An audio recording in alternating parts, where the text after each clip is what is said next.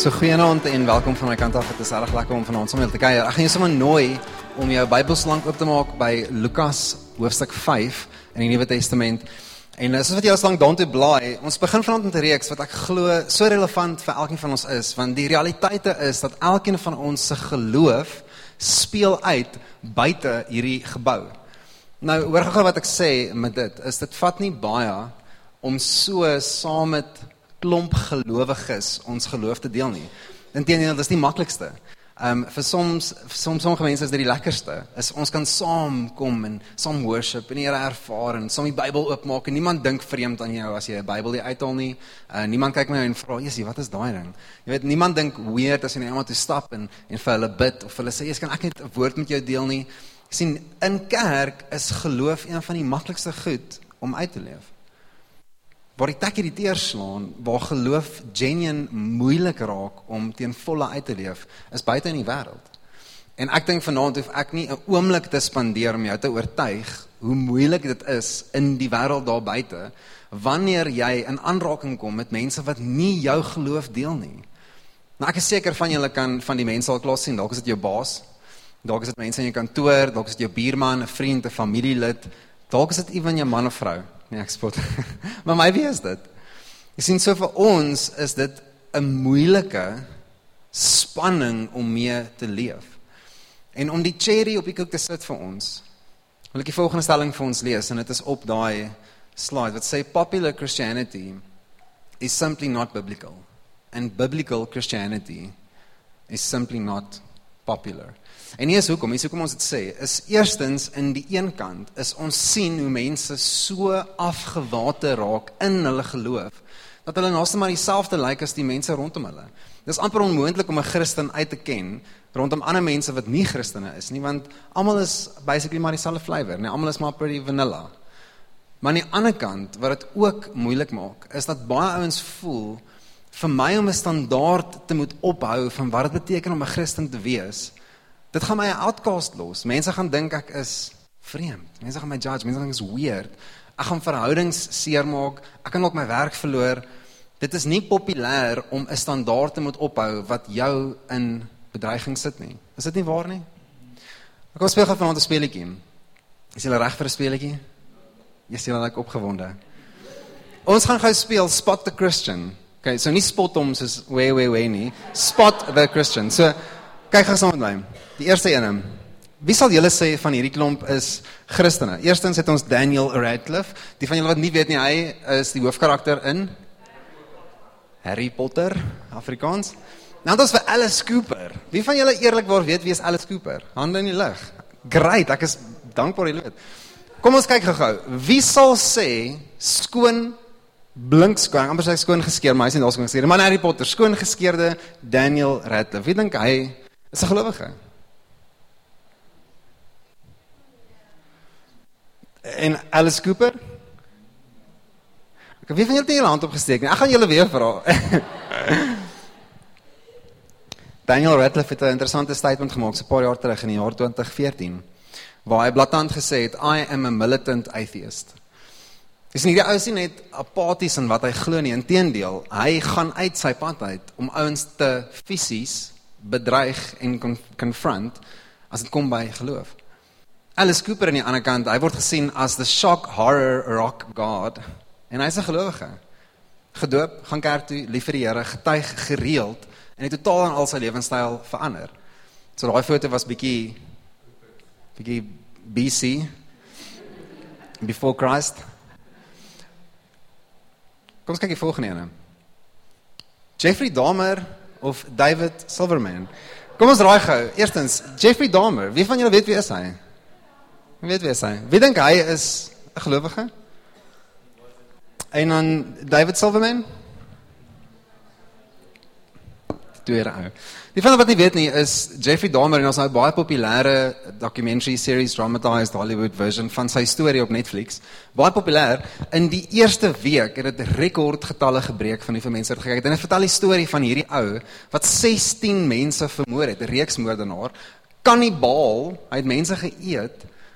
Hy het van hulle liggaamsdele gehou. Dit is griesaam, dit is verskriklik.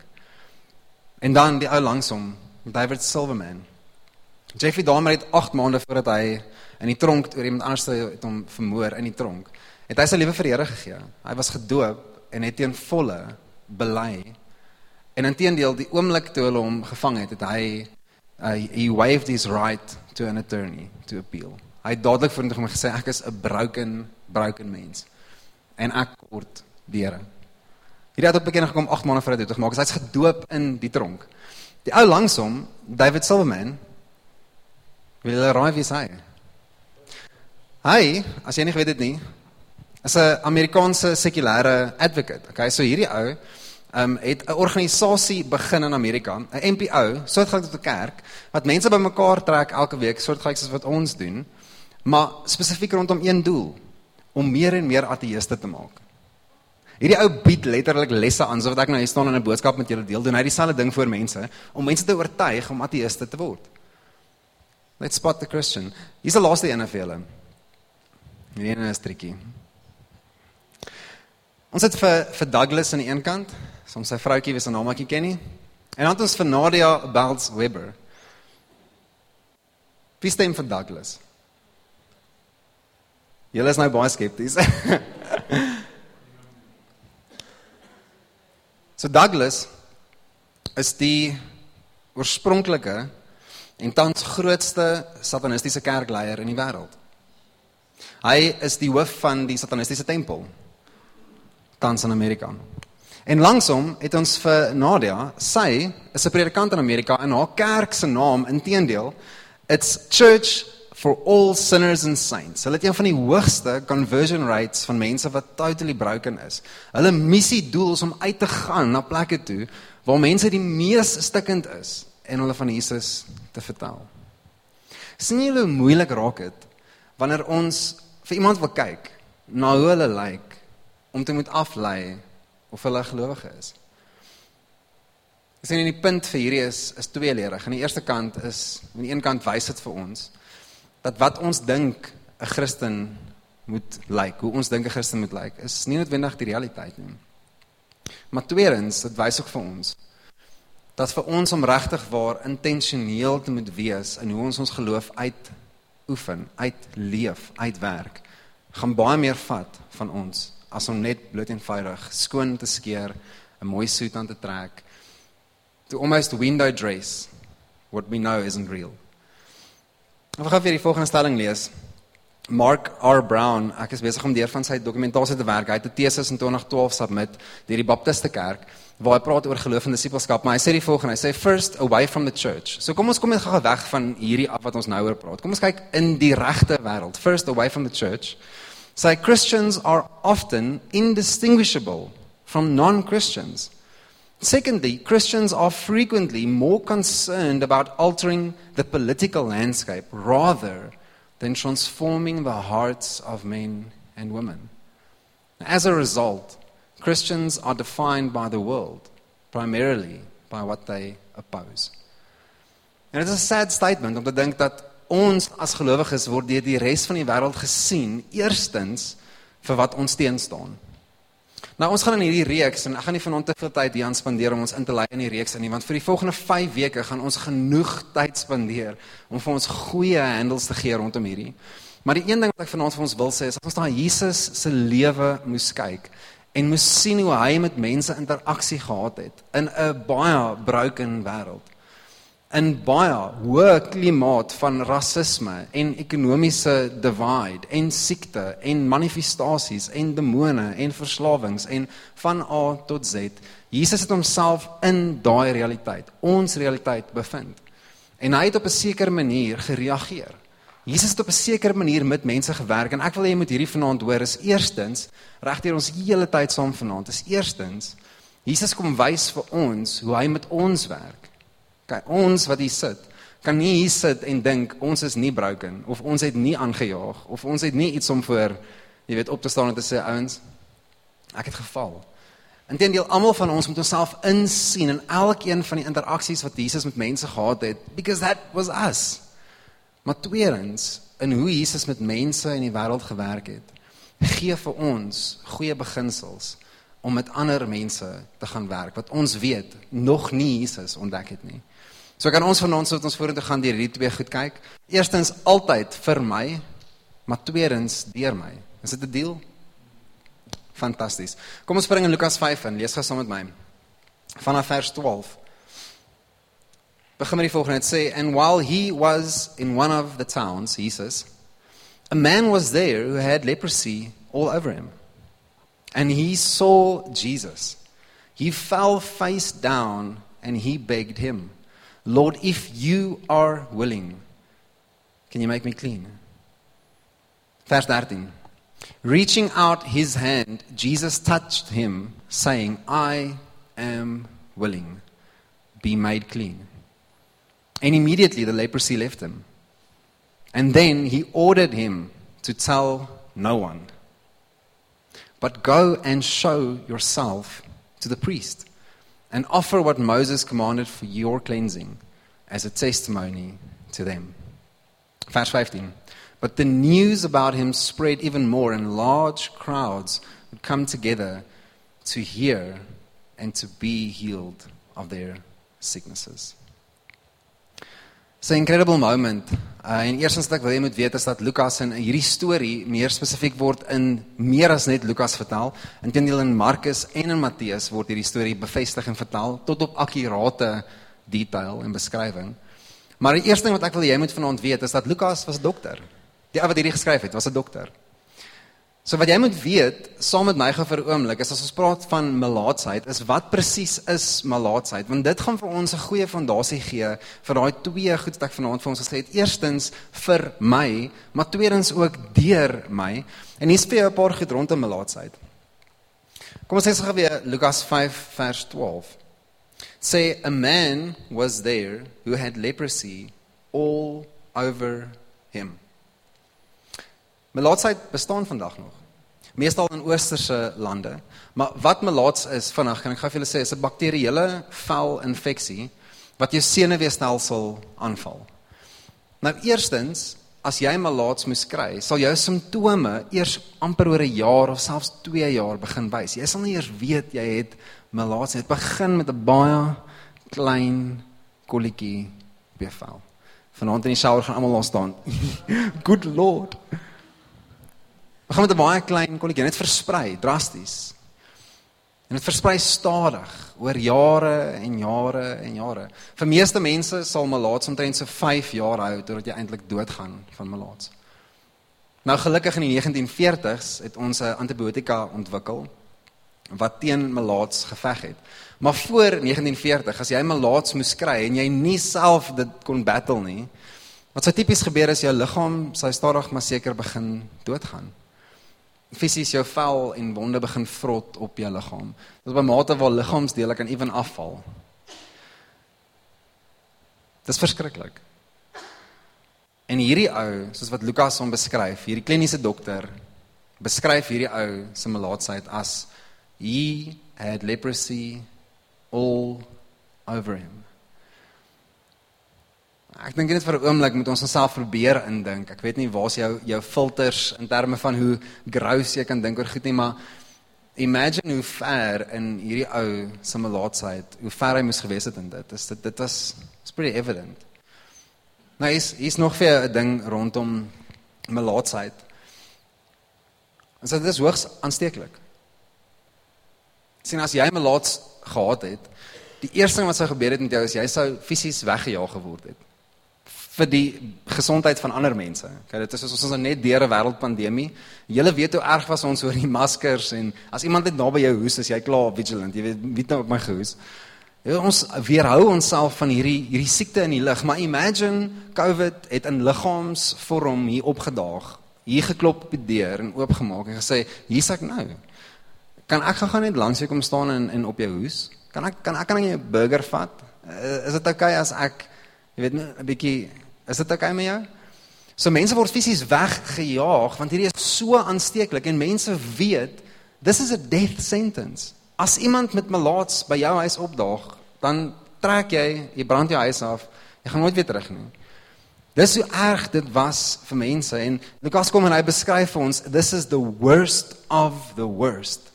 Die eerste punt wat ek wil maak is hierdie is net 'n ou met 'n klein dingetjie gewees nie. This is the worst of the worst.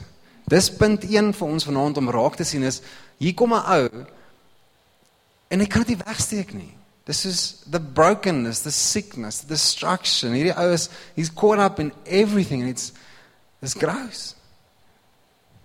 Wie het daarvan 'n ou wat sommer op skool was?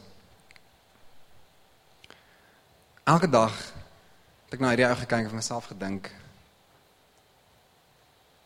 Waarmee is jy besig?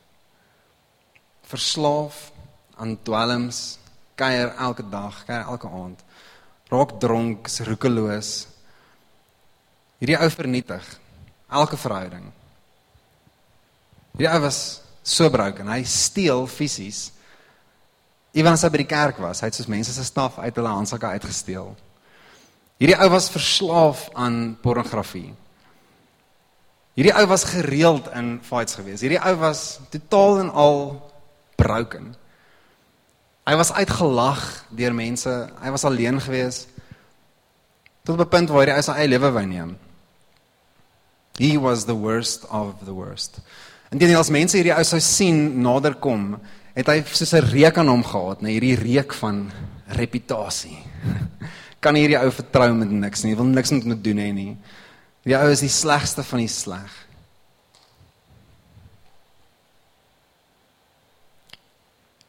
Haar naam was Maurice. And it was I.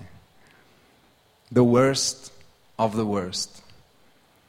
Ek het hierdie gereeld vir my vriende gesê, as ek uit skool uitgaan, gaan ek eider in die tronk opeindig of ek gaan dood wees.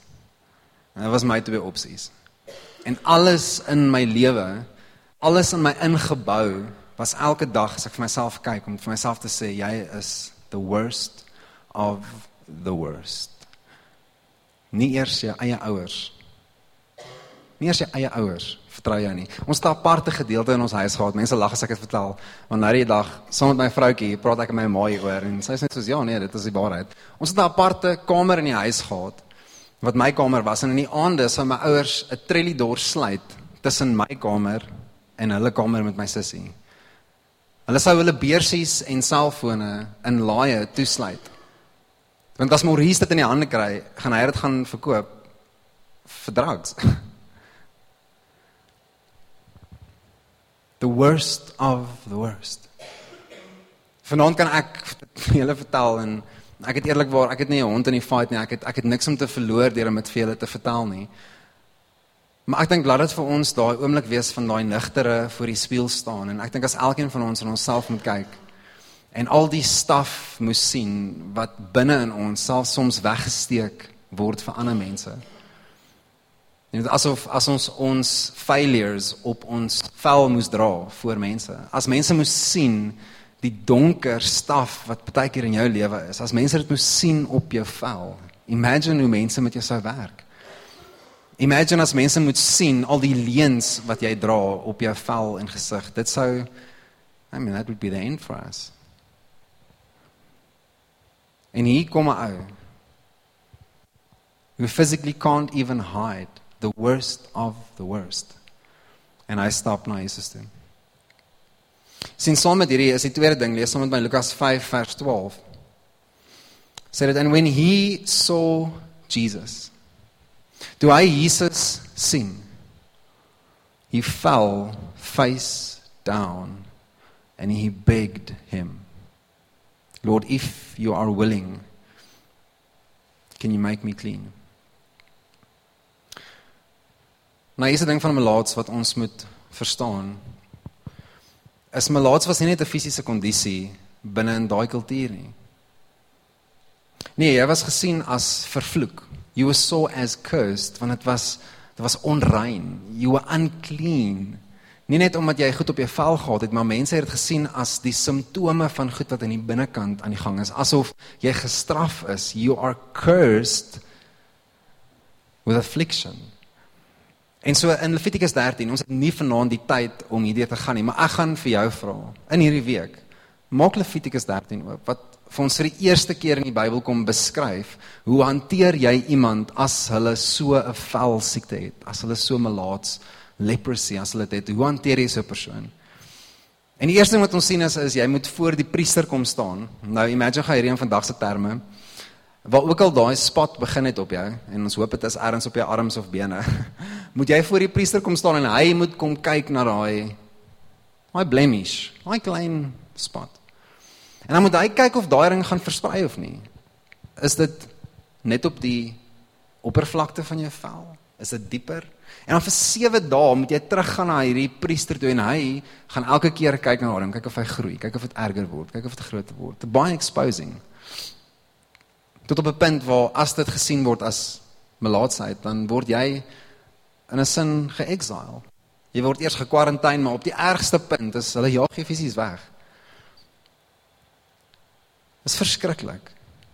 Imagine hoeveel mense leef met daai sonder iemand hulle die Bybel oopgemaak het, maar ons het die ding binne in ons wat sê as as mense sou moes sien wat binne my was.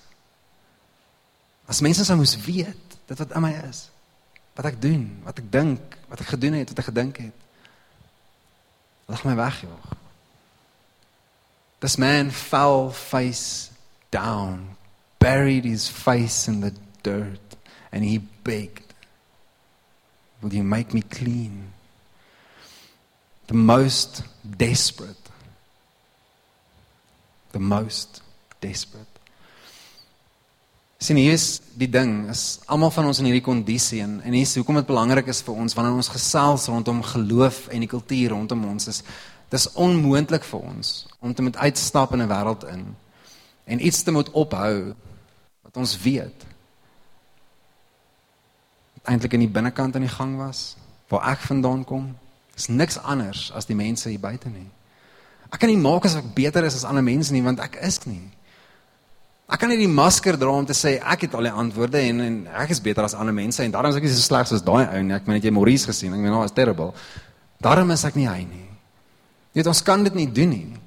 En ons iets van hierdie ou se se posture. There's something in the way he portrayed himself waar hy neerval voor die Here en sê ek is desperaat. I am broken. I am sick. I'm afflicted.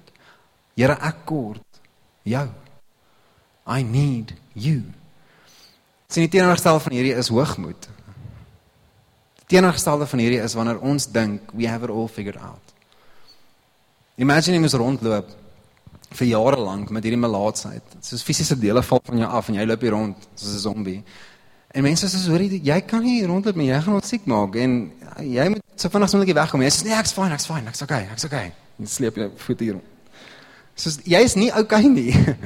jy is nie okay nie, inteendeel jy is ver van okay af. Daar is nie plek in ons geloof vir hoogmoed nie. Nou ek sê nie ons moet onsself gedra soos wurms en aardwurms en ons is hierdie sondaars en sleg mense nie, nee. Maar sien iets binne in hierdie interaksie. Nog voordat ons selfs by Jesus kom en hoe Jesus gereageer het, sien hoe hierdie ou homself gedra het in hierdie oomblik. There was no point of hiding anything. I am the most desperate. And I am the worst of the worst. Ek is in die slegste kondisie wat ek kan fisies wees. Ek is op my laaste. Ek het iemand nodig.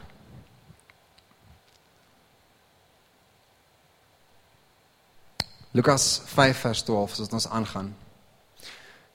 Hy vra vir Jesus 'n vraag. Hy sê if you are willing can you make me clean?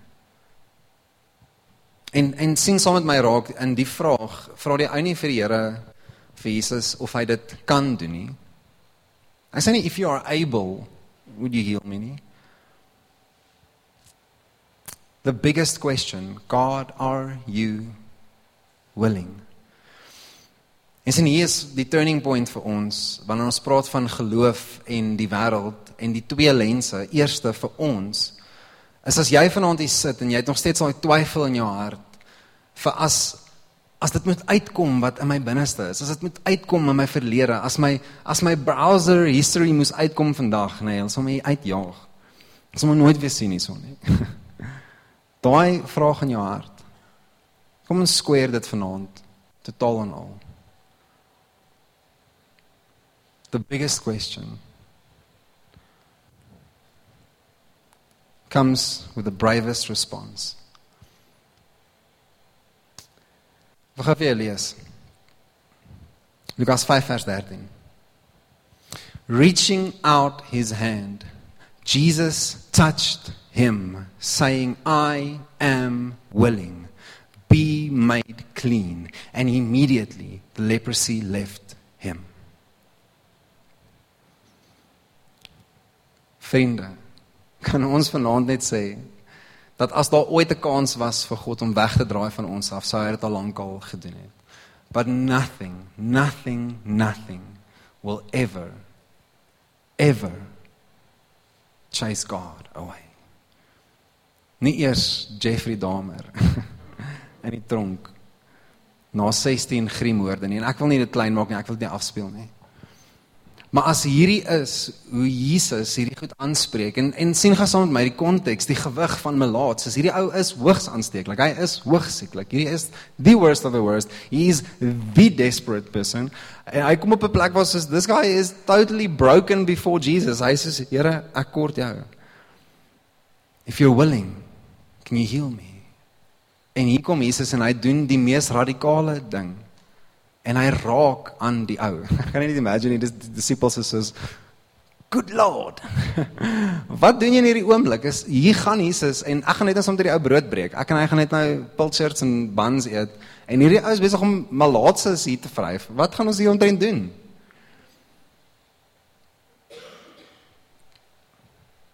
Is in eerstens vir ons in die lens. Is God is nie afgeskrik deur ons kondisie ons failures, ons tekortkomings, ons slegte besluite, ons slegte habits. God is nie afgeskrik van dit af nie. Inteendeel, hy druk homself selfs dieper in wie hy is in. Die vraag is, battle ons met ons geloof en kultuur dat ons voel ons moet goed weerhou? Battle ons, stoei ons, hou ons daai spanning in ons harte waar ons heeltyd voel die Here gaan my uitvang. Hy gaan my nail. Hy gaan as mense moet uitvind, as die Here moet uitvind, ek gaan hierdie goed met dik wegbere, dik toesmeer want as mense hierdie goed sien, I'm done. The biggest question was met with the bravest response. Sien wie van ons erken die liedjie Reckless Love? Sien mense so omgekrap gewees deur daai woorde. Hoe kan liefde, jy weet, reckless wees? Dit kan nie. God kan nie reckless wees nie. Maar sien dit in die in die konteks. sien dit in die gewig van die moment. As Jesus stap fisies na 'n ou toe wat se liggaam uitmekaar uit voeter. En hy kom sit alles op die spel. Hy sit sy lewe op die spel en teendeel op die groter spektrum van goed gee hy sy lewe vir ons. En as jy as 'n buite toeskouer na dit moes kyk, sou jy sê that is reckless. That is reckless. En hier kom hier en hy kom sê I am not scared of by what's inside of you. Inteendeel, ek sal fisies aankom raak. I'll come and deal with the mess.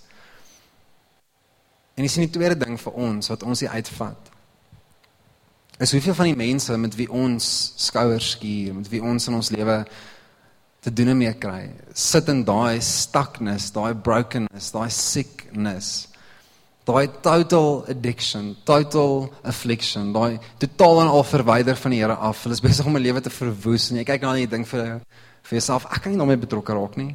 Goodness nee. Ek wil mee betrokke raak. Nee.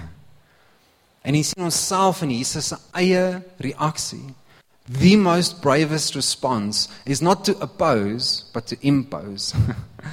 nie om teen iets te kom staan nie, maar om dieper in dit in te kom druk en te sê ek wil nie jou verloor nie. I don't want to lose you. En dit leer vir ons iets. Lukas 5 vers 14 is wat ons aangaan. Sê and then he ordered him to tell no one. But go and show yourself to the priest and offer what Moses commanded for your cleansing as a testimony to them. Nadat jy Levitikus 13 gaan lees het om te sien hoe hanteer die Ou Testament mense veral in die tempel met velsiektes en malaatsheid, gaan lees dan daarna die 32 stappe wat volg in Levitikus 14, letterlik 32 stappe van wat jy moet doen as jy wil skoon kom nadat jy genees is. Daar's fisies niks meer op jou vel nie, maar jy's nog in die binnekant onrein. Okay, so ek weet daar's nou niks op jou vel nie en aan die buitekant lyk alles sap. Maar aan die binnekant, uh, ons weet nie, ons trust nie dat jy aan die binnekant uitgesort is nie. En so daar's 32 stappe van wat jy moet doen. Onder andere, jy moet twee duwe gaan haal, 'n kleipot kry om vol vars water maak, een van die duwe slag, die bloed 7 keer op die ou gooi, een van die duwe vrylaat, dan moet jy twee kalfies gaan haal. Dis verskriklik. Daar's 32 sulke belaglike, amper hoe dink jy is dit 'n ding?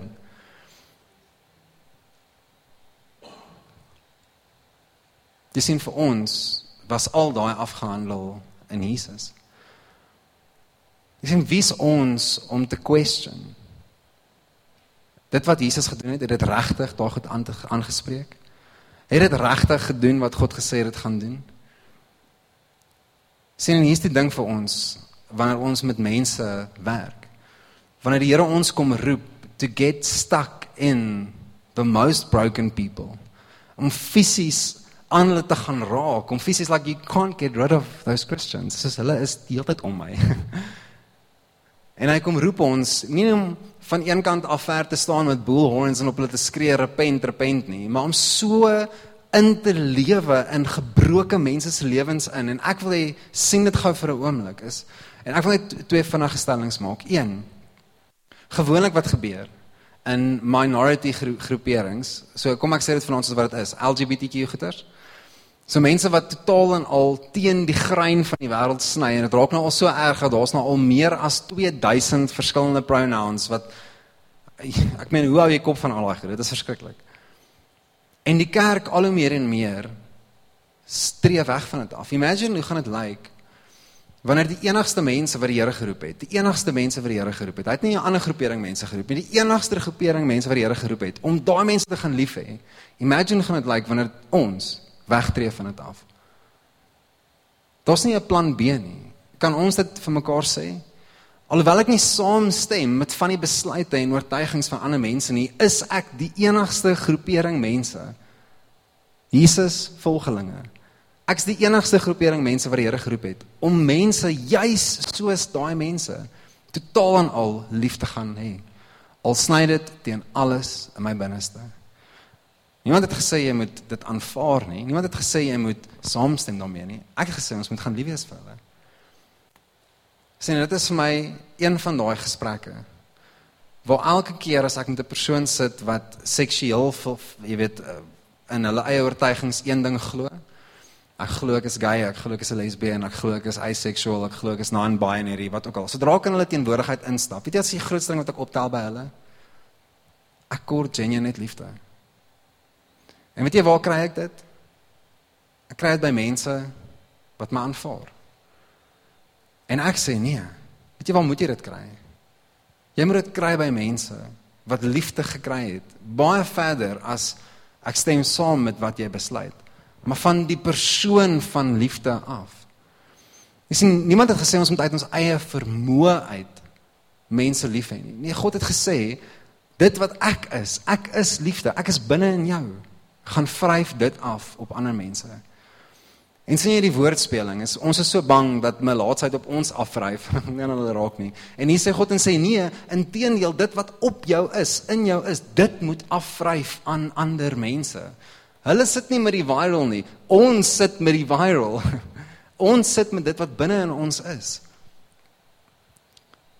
Die tweede ding vir my is mense wat totaal al stak is in identiteit leuns. Mense wat nie weet wie hulle regtig is nie. Ek dink aan huwelike. Ek dink aan verhoudings. Ek dink aan selfs mense wat op 'n punt van selfmoord lewe.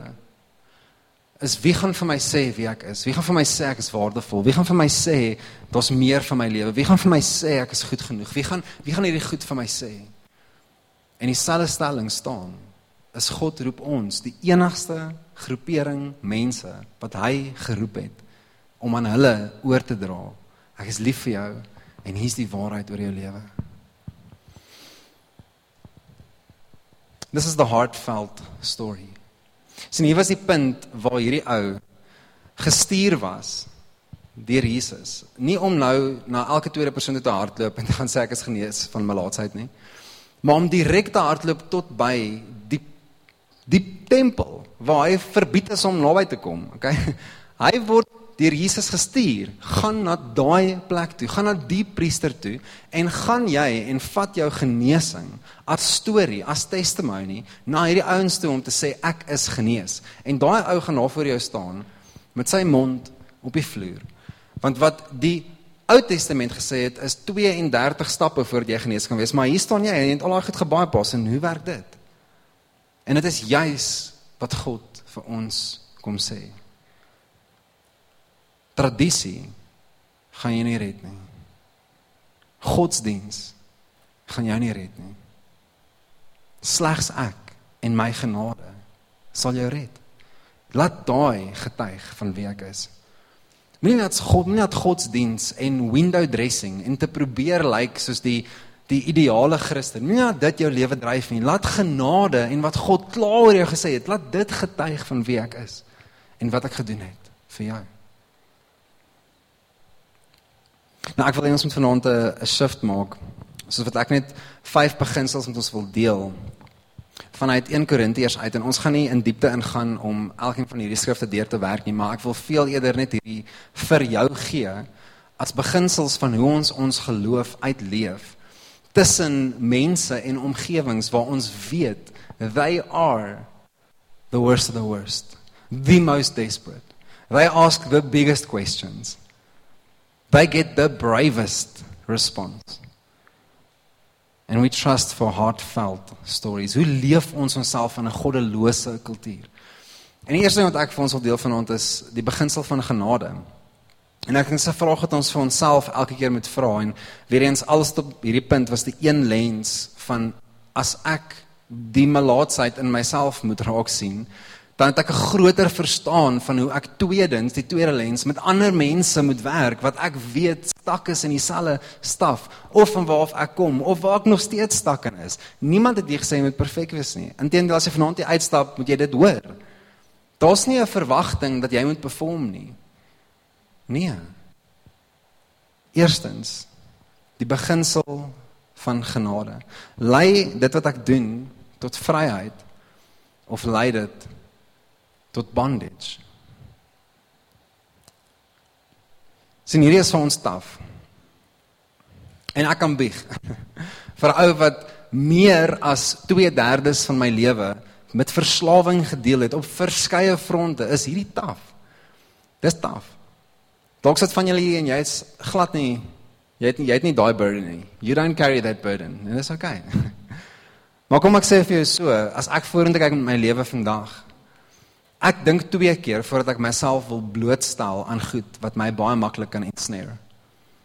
En so daar's wit en swart goed in die lewe, maar selfs in die grys areas van goed en as ek saam met mense byvoorbeeld moet uitgaan en 'n bier moet gaan drink, dan gaan ek myself baie mooi limit op 'n bier, miskien twee as dit Castle Light is.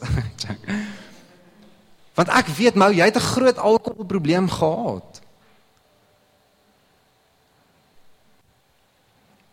Jy sien wanneer ons in aanraking kom met 'n wêreld wat melaatsheid het, as ek 'n metafoor kan gebruik, mense wat wat broken is, dan moet ons onsself beskerm om nie so afgewater te raak in wie ons is dat ons eintlik presies lyk like soos die wêreld nie. Maar ook ons kan nie onsself so position teenoor die wêreld en onsself so in afstand wil sit dat ons glad nie glad nie daar wil wees nie. Nee, inteendeel Dis die tension van ons geloof is God roep ons juis na daai areas toe. Maar hy kom gee vir ons die genade om die vraag te vra. Dit wat ek nou gaan doen, lei dit tot vryheid? Lei dit tot verslawing? Dis in 1 Korintiërs 6 vers 12 het gesê everything is permissible for me, everything. Everything is permissible for me, but not everything is beneficial. Everything is permissible but I will not be mastered by anything. En hier is die moeilike ding vir ons vriende, is eers wat jy moet hoor is dat niks van hierdie gaan oor jou redding nie. Jy's klaar gered. Jesus het dit afgehandel. Die vraag is die kwaliteit van lewe wat ons gaan lewe. Die feit is ons geloof gaan die tekkie die teer slaan in die buitewêreld en die Here sê vir ons, daar's genoeg genade oor jou lewe dat jy kan verstaan ten volle en dit inneem dat jou redding is vas. Maar die tipe lewe wat ek begeer vir jou, die tipe lewe wat ek wil hê vir jou geloof in 'n donker wêreld is 'n is 'n lewe wat getuig van genade. 'n Lewe van vryheid. Die tweede beginsel is the principle of of growth. Does it build up or does it break down? Sien wanneer ons in die wêreld skouers skuur met mense en ons geloof uitleef, dan sê 1 Korintiërs 10 vers 32 net 'n paar hoofstukke aan. Everything is permissible once again, but not everything is beneficial. Everything is permissible, but not everything builds up. Sien, is dit moontlik vir ons om in van die donker plekke in die lewe te wees? teenwoordig te wees daar, maar nie toe te laat dat daar van my af weggevat word nie, maar ook dat ek nie afbreek nie. Sien wat help dit ons is in die donkerste van plekke, maar ons breek af. Dit help niemand. Dit help niks. We're supposed to go and build up. Dis net as wat liefde doen. Liefde bou, liefde vertrou, liefde volhard. That is the calling that we live with. Ek beweeg vanaand aan die derde een, die beginsel, the consciousness. It's the principle of our consciousness. Sien wat los dit binne in my? Los dit my waar ek sit met hierdie skaamte, hierdie gevoel van I am I'm living with guilt of los dit ons met liberty? Sien hier is wat die Here vir ons beloof. Is wanneer ons in die beginsel lewe dat ek weet ek is geroep, ek is goed genoeg. Dan gaan ek daai roeping oor my lewe, daai waarheid oor my lewe gaan ek ophou. I will uphold what I know is true. Ek gaan nie rondstap en 'n leuen probeer ophou nie, want Daar's niks in dit van om te wen nie. As ek moet rondloop en vir julle moet sê die kaas is van die maan is van kaas gemaak, die kaas is van maan gemaak. As ek moet rondloop en vir julle moet sê die maan is van kaas gemaak en ek moet elke dag moet ek daarmee loop en almal probeer oortuig wanneer ek weet self in my binneste dis 'n leuen. Dis nie die waarheid nie. Ek het niks in dit om te wen met dit nie. Maar as ek eerder moet rondloop met die waarheid dat ek weet ek is 'n goeie man vir my vrou.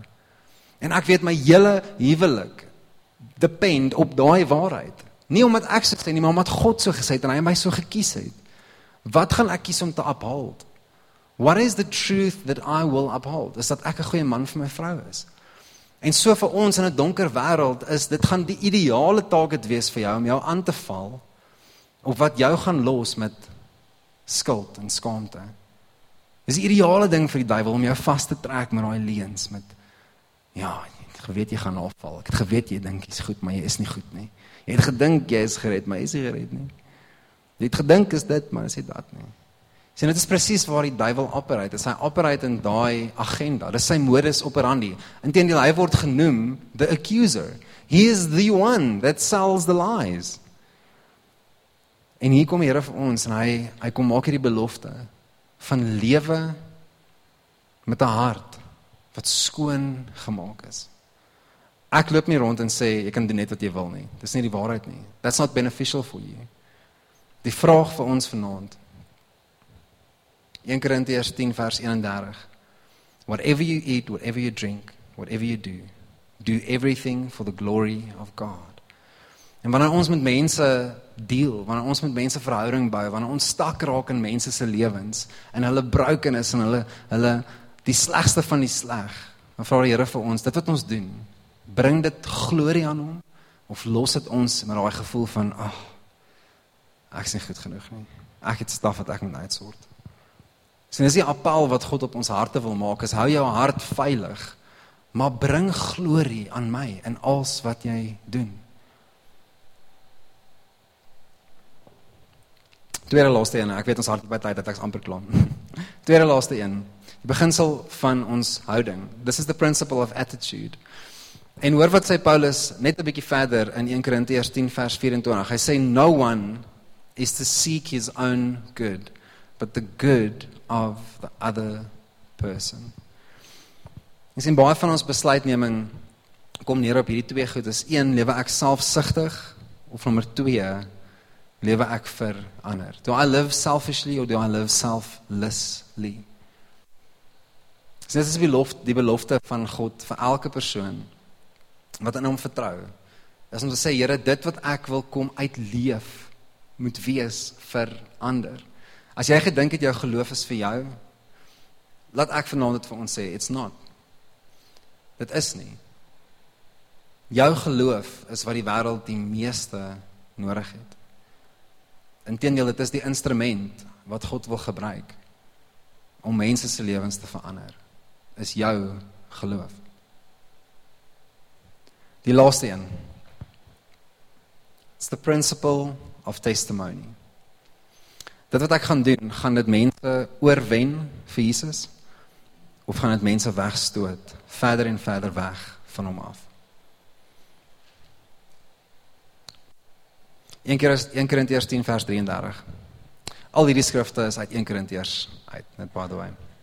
Say just as I also try to please everyone and everything. I'm not seeking my own benefit, but the benefit of many so that they may be saved. gaan afsluit met die laaste stelling vir, vir ons vanaand.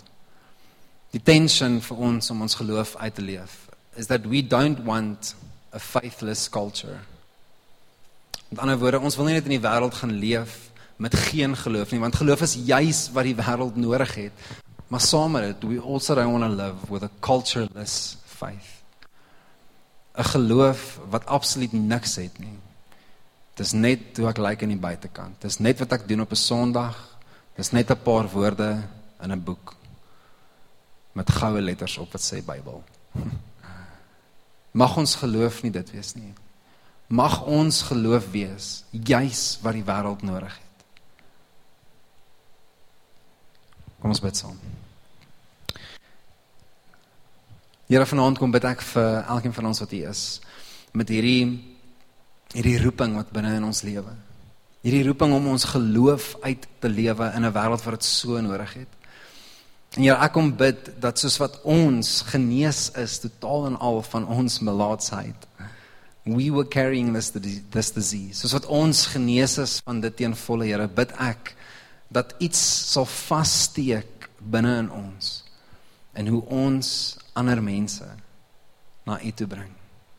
We are called to those people.